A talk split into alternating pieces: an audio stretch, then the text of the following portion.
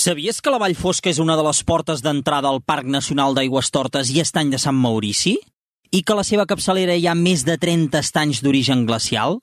Doncs avui recorrem la ribera del riu Flamisell, una vall de forts pendents i de muntanyes molt altes que fan que el sol es pongui aviat. La Vall Fosca. RAC més i Securitas Direct us ofereixen Racons de Catalunya. Un podcast per conèixer el país d'una altra manera amb Martí Oliveres. Com sona la Vall Fosca?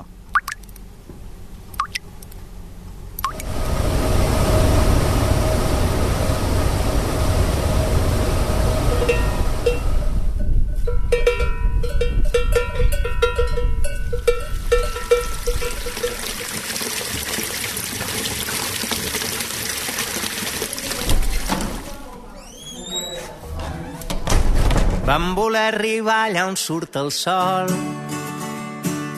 Mai havíem sentit tan nostre el temps com l'estiu que vam emprendre el vol com ocells.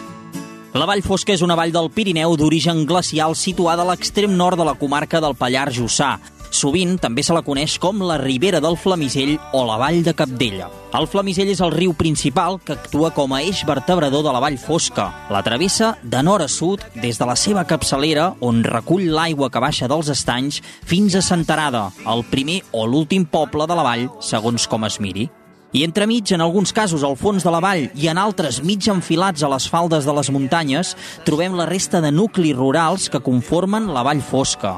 La pobleta de Bellvei, Envall, Estavill, Antist, Castell Estaó, Beranui, la Plana de Montrós, Estell, Oveix, Aguiró, Montrós, Pobellà, Pauls de Flamisell, Molinos, la Torre de Capdella, Aigua Vella, Espuí, la Central de Capdella i Capdella. Fixeu-vos quants, eh?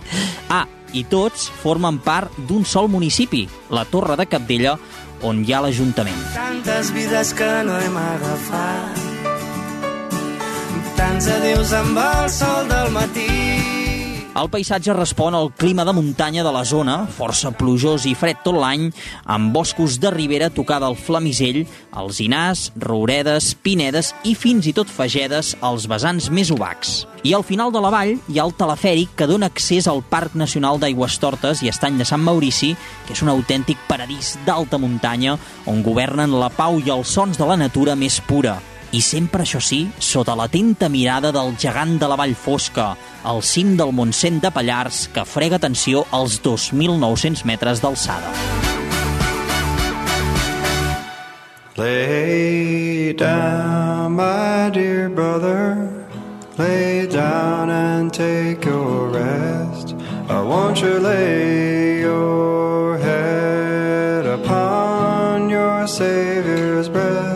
Mireu, sóc a la Vall Fosca, eh, pràcticament al final d'aquesta vall, entre Espuí i Capdella, que són els dos últims pobles, i ara sóc al Museu de la Central Hidroelèctrica de Capdella. I aquí m'hi espera l'Eva per parlar doncs d'això, d'aquesta vall que té tanta història i sentiu això de fons que no sé ben bé el que és i per això som aquí, per explicar i descobrir-ne molts secrets. Eva, què tal? Com estàs? Com estem? Mira, aquí, doncs amb el soroll de l'aigua i el soroll de l'electricitat, eh? Per un cantó se sent l'aigua, d'acord? L'aigua que ja ha passat per la sala de màquines, que ja s'ha turbinat i que se'n va cap a la següent central. I per l'altre cantó, doncs el soroll de les màquines funcionant, produint energia i també, si escoltéssim, també se sent una petita sorollet de les línies que transporten l'energia. Escolta, meva, quan, quan va començar tot en aquesta vall fosca?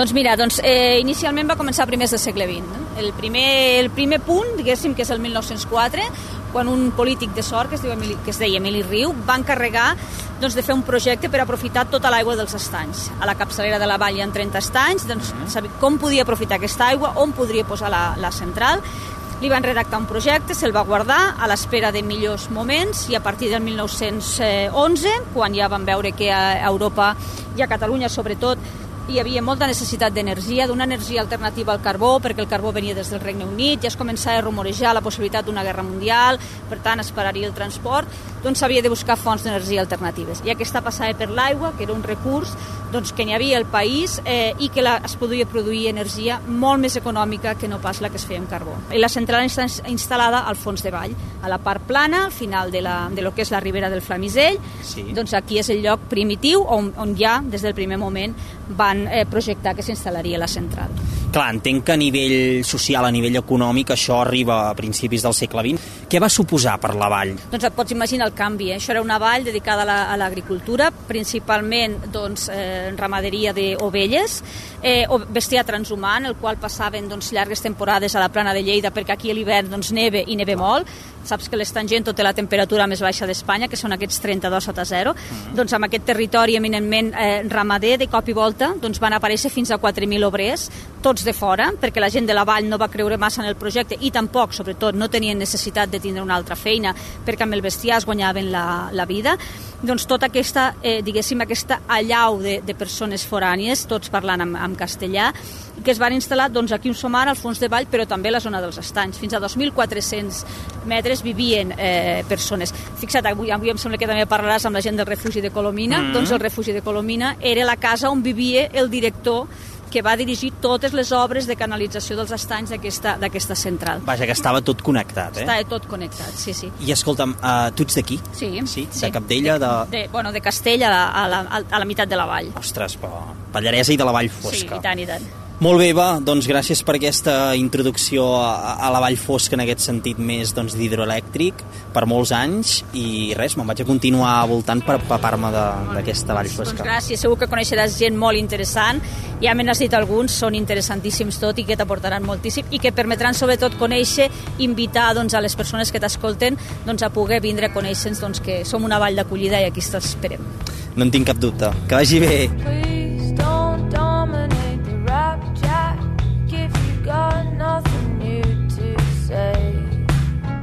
Escolteu-me, una cosa molt curiosa. Estava sortint ja, ja marxava eh, del museu d'aquí de, de Capdella, i just m'he trobat a la Sandra, una persona que també està treballant i vivint aquí.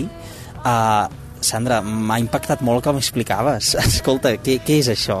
Perquè la gent ho sàpiga, que és molt curiós. Aquí, el, el que és Estangento, hem de tenir en compte que ara mateix no hi viu ningú, però a, a, quan s'estaven fent les obres de Sallente i antigament a Estangento hi vivia gent. I quan mon pare va, va entrar a treballar a Estangento, doncs nosaltres hi passàvem moltes temporades vivint-hi. És a dir, de ben petitona fins als sis anys que ja passàvem més temporades aquí a la central, passàvem temporades a, a Estangento amb els meus pares vivint-hi i mon germà, que també era molt petit, vivint a Estangento. Clar, és que m'has dit, vivia a l'Estangento, sí, o sigui, gairebé has nascut allà. Sí, sí, sí, perquè érem, érem molt petits, érem molt petits, amb mon germà érem molt petits. Jo me'n recordo, els primers records que tinc de vida els tinc d'Estangento. La neu, clar, a veure, amb aquest escalfament global, amb aquest canvi climàtic que estem tenint, la Vall Fosca ha estat terra de fred, de neu tota la vida, som en una vall pirinenca al final, uh, però ha canviat molt respecte a fa 100 anys i, i potser fins quan tu eres petita. Sí, sí, molt. Conservem, conservem a casa fotografies de quan érem petits amb uns tous de neu impressionants. Que I ara res. Ara, ara, ara no està veus. tot nevat i Ah. fixeu-vos quin dia fa avui que fins i tot fa calor. Hmm. Estàs al sol i fa calor. Mm, I aquí diu que tots són cicles i que ja tornaran les nevades. Vull dir, i fins i tot Estangento es congelava, tiraven Hmm. via per sobre Estangento perquè hi passés la gent al, amb l'estany completament congelat, perquè les persones, les càrregues de, de, de la càrrega de materials de, per fer les obres a principis de segle, de connexió dels estanys, pogués passar, doncs simplement passaven per sobre l'estany ara mateix. Doncs no, això no és, no és viable. Vull dir, es- estàs en, en un indret de natura molt salvatge i que quan neve amb ganes i és, és bonic de fer excursions amb els esquís de muntanya. Per tant, sí, sempre vas pujant. És que és tan gent... És que és inevitable. Ho tens al pati de casa. Com no vols pujar? I've seen where the wolf slept by the silver stream. I can tell by the mark he left you were in. Mireu, sóc a la pobleta de Bellvei, el poble més important, com, com a mínim l'entrada i el més poblat d'aquesta vall fosca. I ara estic fent, fent un te, aquí molt tranquil, amb en Gerard Carreta, que és una persona molt especial que em fa molta il·lusió presentar-vos, perquè és el guarda, un dels guardes del refugi de la Colomina. És el refugi que hi ha al final de tot d'aquesta vall del Flamisell, de la vall fosca. Doncs en una de les portes d'entrada al Parc Nacional tenim aquest estany Gento, tenim tots els estanys d'origen glacial, i allà, durant una part de l'any, hi ha aquesta persona, hi ha en Gerard, perquè és el guarda d'aquest refugi de la Colomina. Gerard, què tal? Molt bé. Gràcies per, per estar per aquí No, no, és fàcil xerrant una mica. aquí, no? T'he vingut a veure casa, no? Casa. Sí. Vallfosc és la teva casa teva. Ara sí, des de fa 15 anys és casa meva. Com comença l'aventura de la Colomina? Com comença? Com un accident, jo diria. Com un accident. Sí, bueno, coses de la vida. Jo estava treballant a Barcelona de gestor informàtic amb una gran banca catalana que tots coneixem, a la Diagonal. I durant 10 anys vaig estar treballant allà fins que un dia pues, t'aixeques i dius, bueno, ja tinc ganes de, de tornar. I ho vaig deixar, d'un dia a l'altre ho vaig deixar i vaig pujar aquí dalt sense res, amb molts projectes al cap, però sense res. I l'antic guarda de Colomina, som col·legues de, de fa molts anys, i em va dir, hòstia, per què no vens a fotre'm un cop de mà aquest estiu al Refu? I el que va començar sent un cop de mà al Refu va acabar l'estiu dient-me que, escolta, que ell ja portava 25 anys, que volia deixar i que lo sepas. I d'allí, doncs mira, Quants anys portes, doncs, allà? 15 anys ja. 15 anys. Sí, 15 anys aquí, o sigui, va ser arribar a la Vall Fosca, diem, instal·lar-t'hi i ja fer el pas d'estar dalt. Al, al cap d'un mes estava al refugi de Colomina.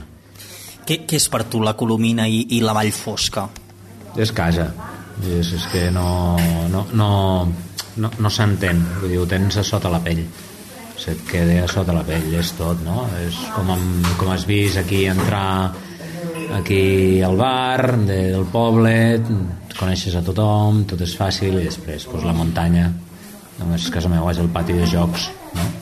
I, i una mica el dia a dia d'un guarda d'un refugi d'alta muntanya d'aquí del Pirineu, eh, com, com el definiries? Durillo, Durillo. Però Clar, perquè potser hi ha aquesta mentalitat bucòlica, no?, d'idealitzar, no?, la vida de refu. La, la vida bucòlica de refugi jo crec que és més fora de temporada. És, és Setmana Santa, és les primeres setmanes de juny, et diria que igual si obres algun dia a l'octubre, és llavors quan, quan gaudeixes realment de, del refu en si. D'uns anys cap aquí, doncs, eh, el tipus de la gent i tot ha canviat i bueno, doncs és un altre tipus de feina realment és, sí que estàs fent feina de guarda perquè n'hi ha molta però al final estàs fent d'hostalero no? A alçada però al final és això, cobrir les necessitats de la gent que et ve al refugi Eh, jo crec que, que és una cosa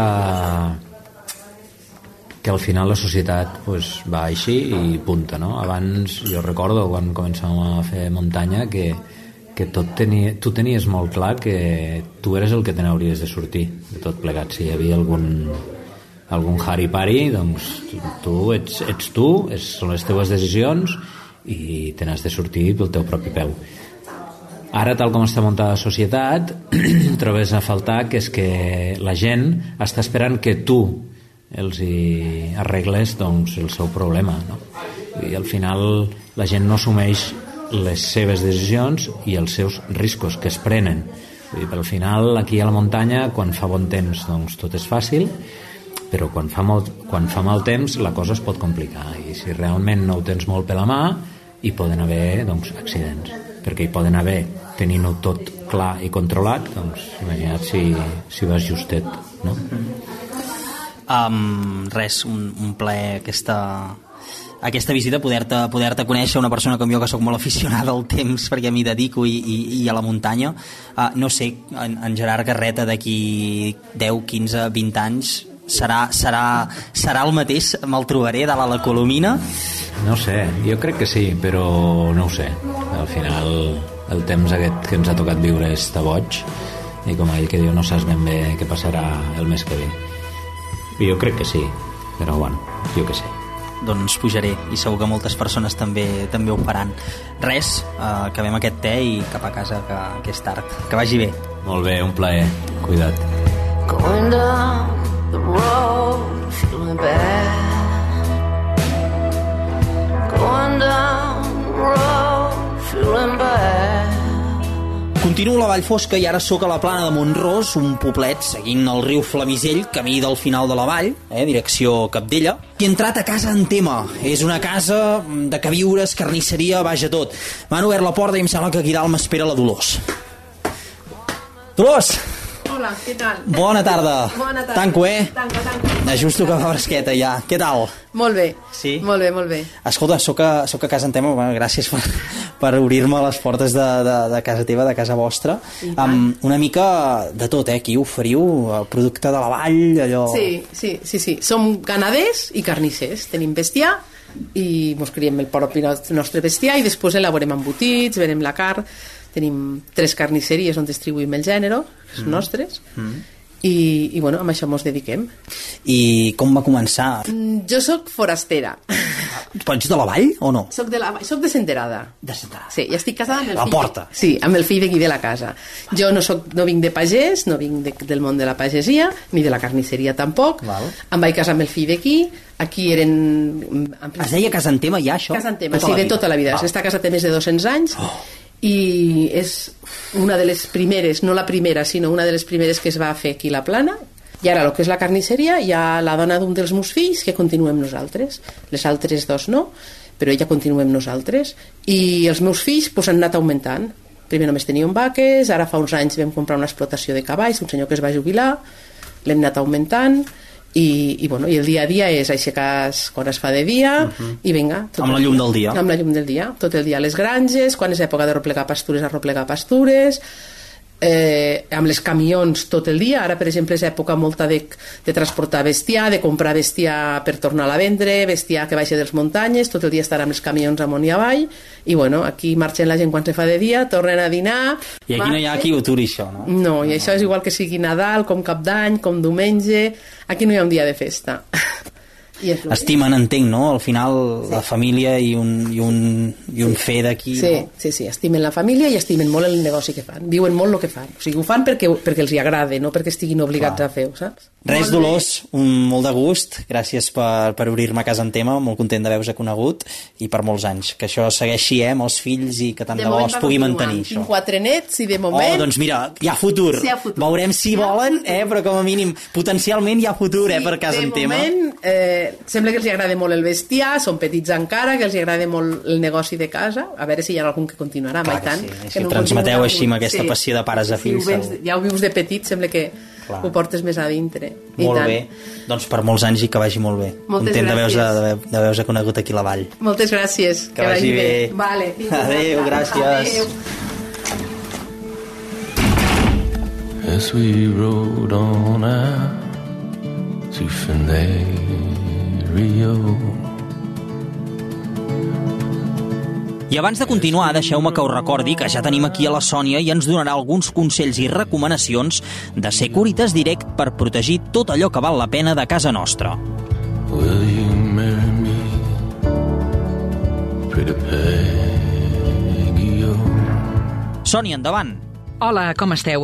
Avui us vull recomanar que us instal·leu l'alarma de Securitas Direct perquè és una molt bona opció per quan viatgeu a alguns d'aquests indrets tan bonics que en Martí, ja que casa vostra i sobretot les vostres pertinences estaran ben protegides. Mireu, es tracta d'una alarma pensada per protegir el vostre habitatge quan sou fora i per protegir-vos quan hi sou dormint. D'aquesta manera podeu activar l'alarma tant si sou dins a casa com si no. Per exemple, de nit podeu connectar només l'alarma del jardí o de la terrassa i moure-us tranquil·lament pel pis o podeu connectar també alguna zona de l'interior, com vulgueu.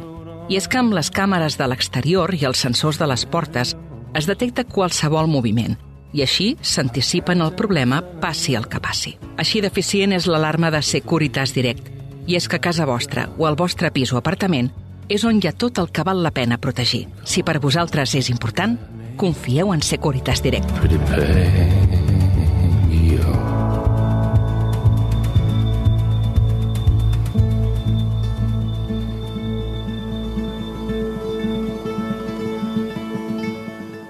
Mireu, ara m'ha passat una cosa molt curiosa. Fa estona que volto per aquí la Vall Fosca i m'he trobat el carter, el carter de la Vall Fosca. Ens hem anat perseguint, eh, que sí?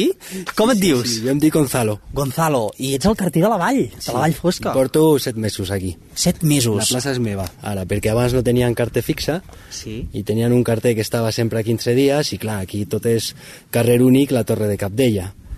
Set, set mesos que ets aquí i, i diem, has vingut d'on ets? Jo sóc de Galícia. De Galícia. Sí, però bueno, porto anys viscut a, visc- visquent a Catalunya Sí. i, i he triat aquest lloc perquè a mi m'agrada molt el Pirineu i era la plaça que estava més a prop del Pirineu.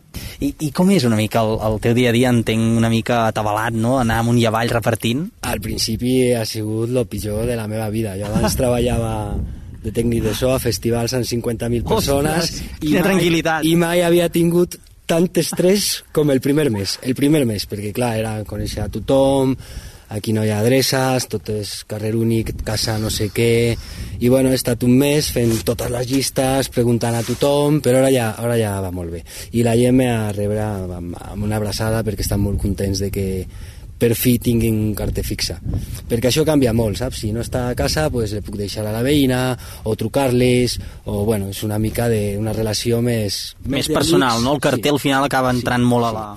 I també, clar, per mi lo diferent ha sigut que el, el puesto de carter és com un, com un personatge relevant a l'aval, no? I, i, i m'han obert les portes moltíssim. Per mi el més important del, de la feina de carter no és tant portar cartes, sinó estar 10 minuts amb la Roser, que viu a Oveix, o amb la senyora que viu a l'altre poble, que igual no ve a ningú excepte el carter. I, bueno, pues le preguntes per les enciams, per què on va, què tal avui... Si.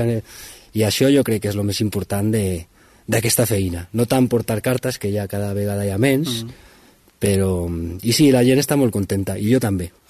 La gent de la vall els hi preguntava com sou vosaltres, la gent d'aquí la Vall Fosca? Com diries que són, tu que ets de fora?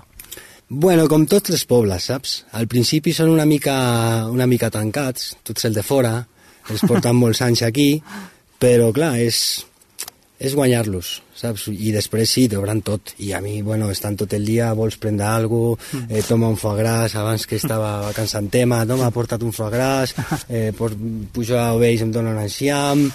I, I jo crec que és com tot, al principi ets un foràneo, però a poc a poc pues, et guanyes, perquè bueno, al final els pobles són així. Saps? De principi són tancats, però després s'obren les portes a tothom. Coi, així et deuen veure més a tu que al metge, no? Tots els dies. Cada, gairebé cada dia. Sí, bueno, això és el gran problema que hi ha, que tant, tant parlen de, dels pobles que estan buits, però clar, el problema és que no tenen els serveis necessaris per això. O sea, i, i, i ja, mira, Correos abans aquí hi havia dos, tres carters, ara sóc jo sol. I, però sí, el metge va a la pobleta, crec que, no sé si dos vegades al mes o una vegada a la setmana, però mitja, mitja horeta, eh? Si tens qualsevol problema, tens que baixar a la pobla. És veritat que si tens algo tipus rehabilitació, ve una ambulància Mm. i agafa a, a varia gent i les baixa a pobles. Però sí, eh, per aquí, per tot, tens que anar a la pobla, clar. Doncs ja ho veieu, m'he trobat el carter, eh? el carter de la, de la Vall Fosca, aquí de sorpresa, eh? no, tampoc no havíem, no havíem quedat. Res, Gonzalo, que vagi molt bé. Gràcies a vosaltres i que gaudiu de, de la Val Fosca que val la pena. I tant. Perquè, perquè sobretot és una val que no és tan turístic com la resta. I és una part de la, de la màgia que té. Doncs res, deixo que continuïs voltant. Que vagi molt bé. Vinga. Adéu. Went to see the captain, stranger sacrifice. Laid my proposition down, laid it on the line. Mireu, ara sóc a Senterada i he entrat en una casa que es diu Casa Leonardo, que és un lloc autèntic, que és parada i fonda, que hi heu d'entrar, com a mínim heu de, heu de veure-ho quan passeu per aquest eix de camins que és Senterada, perquè te'n pots anar cap al Pont de Suert, te'n pots anar cap a la Pobla de Segur, pots continuar cap a la Vall Fosca, i aquí estic amb, amb la Mireia, que és una persona molt especial, que és, és la filla d'aquí, la neta, ja moltes generacions, molta història aquestes parets, eh, Mireia? Pues una mica, des del 1913 que els meus avis pues, van muntar aquesta antiga posada aquí eix de carreteres amb, amb, amb la idea de subministrar pues, els treballs eh, hidroelèctrics que es van fer en aquest principis del segle passat a la capçalera de la vall. No? Ells, eh, el meu avi era el traginer, el que anava a la conca a buscar pues, l'oli, el vi, el que els hi feia falta als treballadors de, de les obres hidroelèctriques i ho portàvem els matxos cap a la cantina. I jo, després d'haver estudiat a Barcelona, l'any 2001, decideixo tornar a aquest poble per, perquè bé, jo em veia aquí tota la vida i volia donar vida al poble. I, I què és el que ens queda ara de la Casa Leonardo de fa 100 anys, una mica? Bueno, nosaltres hem intentat eh, mantenir una mica l'essència, no? Posem en valor les nostres valors, les, les nostres tradicions, ja sigui amb la decoració, amb les vitrines que expliquen la història de l'últim segle, amb espais tan eh, característics com l'antiga botiga on veníem al detall, no? Jo crec que el propi edifici ja és una experiència al passat, no? La gent quan entra diu, ostres, és que sembla un museu, però un museu viu, no? Perquè hi vius a dins, no? I experimentes pues, aquesta història, no? I no només amb la decoració, sinó també pues, amb les menges, no? Intentem posar els plats, aquests, eh, aquests plats típics, tradicionals, com la girella. La girella, que és un embotit d'aquí de, del Pallars, eh? Exacte, d'aquesta zona, dels Pallars i la Ribagorça, no? que l'ingredient principal és el corder, el corder xisquet, que és propi del nostre territori, que defineix eh, el nostre paisatge, no? i que hem de promocionar perquè no ens podem quedar sense pastors ni ramats i jo crec que el que hem d'intentar treballar és perquè hi hagi més vida a, l'any, a tot l'any, no? que hi pugui haver més gent, per tant més habitatge, que és un gran problema, cada dia ens passa gent per aquí dient si sabem alguna per comprar, per llogar, alguna masoveria, eh, la gent té moltes ganes de vindre a aquests territoris, però el que falta és, és habitatge, no? Pregunta obligada, com, com diries que sou la gent d'aquí dalt? Bé, jo crec que podem definir-nos de, com dos grups, no? els que sempre han estat aquí no? I, i potser tenen una mentalitat com més tancada, no una mica que no veuen les potencialitats del nostre territori, que és un patrim... bueno, jo crec que és un territori que és un paradís, que està tot per fer i tenim moltes possibilitats. En canvi, la gent que ha marxat és, té aquesta visió de paradís, no? O sigui, la gent jove quan marxa el diumenge a estudiar o a treballar a Barcelona pues sent una pena perquè realment tenim aigua, tenim un paisatge increïble i tenim una comunitat que anem enriquint entre tots, no? I si viu bé, intentem ser feliços, no? Clar. Um, I ho deia al començar, que Centenada és l'entrada d'aquesta vall, del Flamisell, uh, és Vallfosca o no és Vallfosca? Ui, el gran dilema.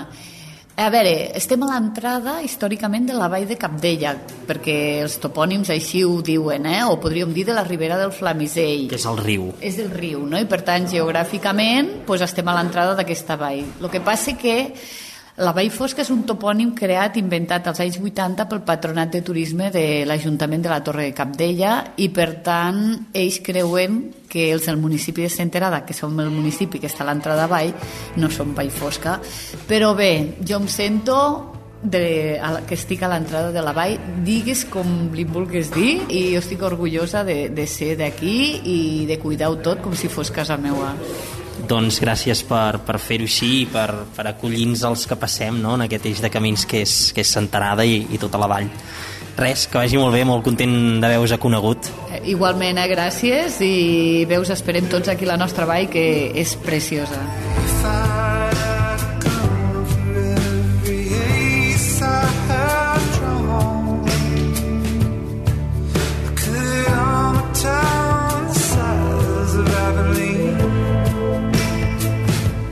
Aquest 26è capítol hem passejat per la Vall Fosca, la vall que tanca el Pallars Jussà pel nord. Una vall del Pirineu, de petits pobles al voltant del Flamisell, on la seva gent el que fa és mantenir l'essència del passat i cuidar els detalls perquè els que vinguin de fora se sentin com a casa. Ho dèiem al començar i ho recordem ara per acabar amb el romanço de la Vall Fosca de Jaume Arnella. D'aquí en diuen la Vall Fosca, perquè està molt enclotat. Quan a altres llocs el sol brilla, pels d'aquí ja s'ha amagat. Però escolteu-me, és fosca només en aquest sentit, eh? Perquè la seva gent, precisament de fosca, no en té res. I gràcies a l'aprofitament de l'aigua dels estanys que hi ha a la seva capçalera, aquesta vall serà sempre la vall de la llum.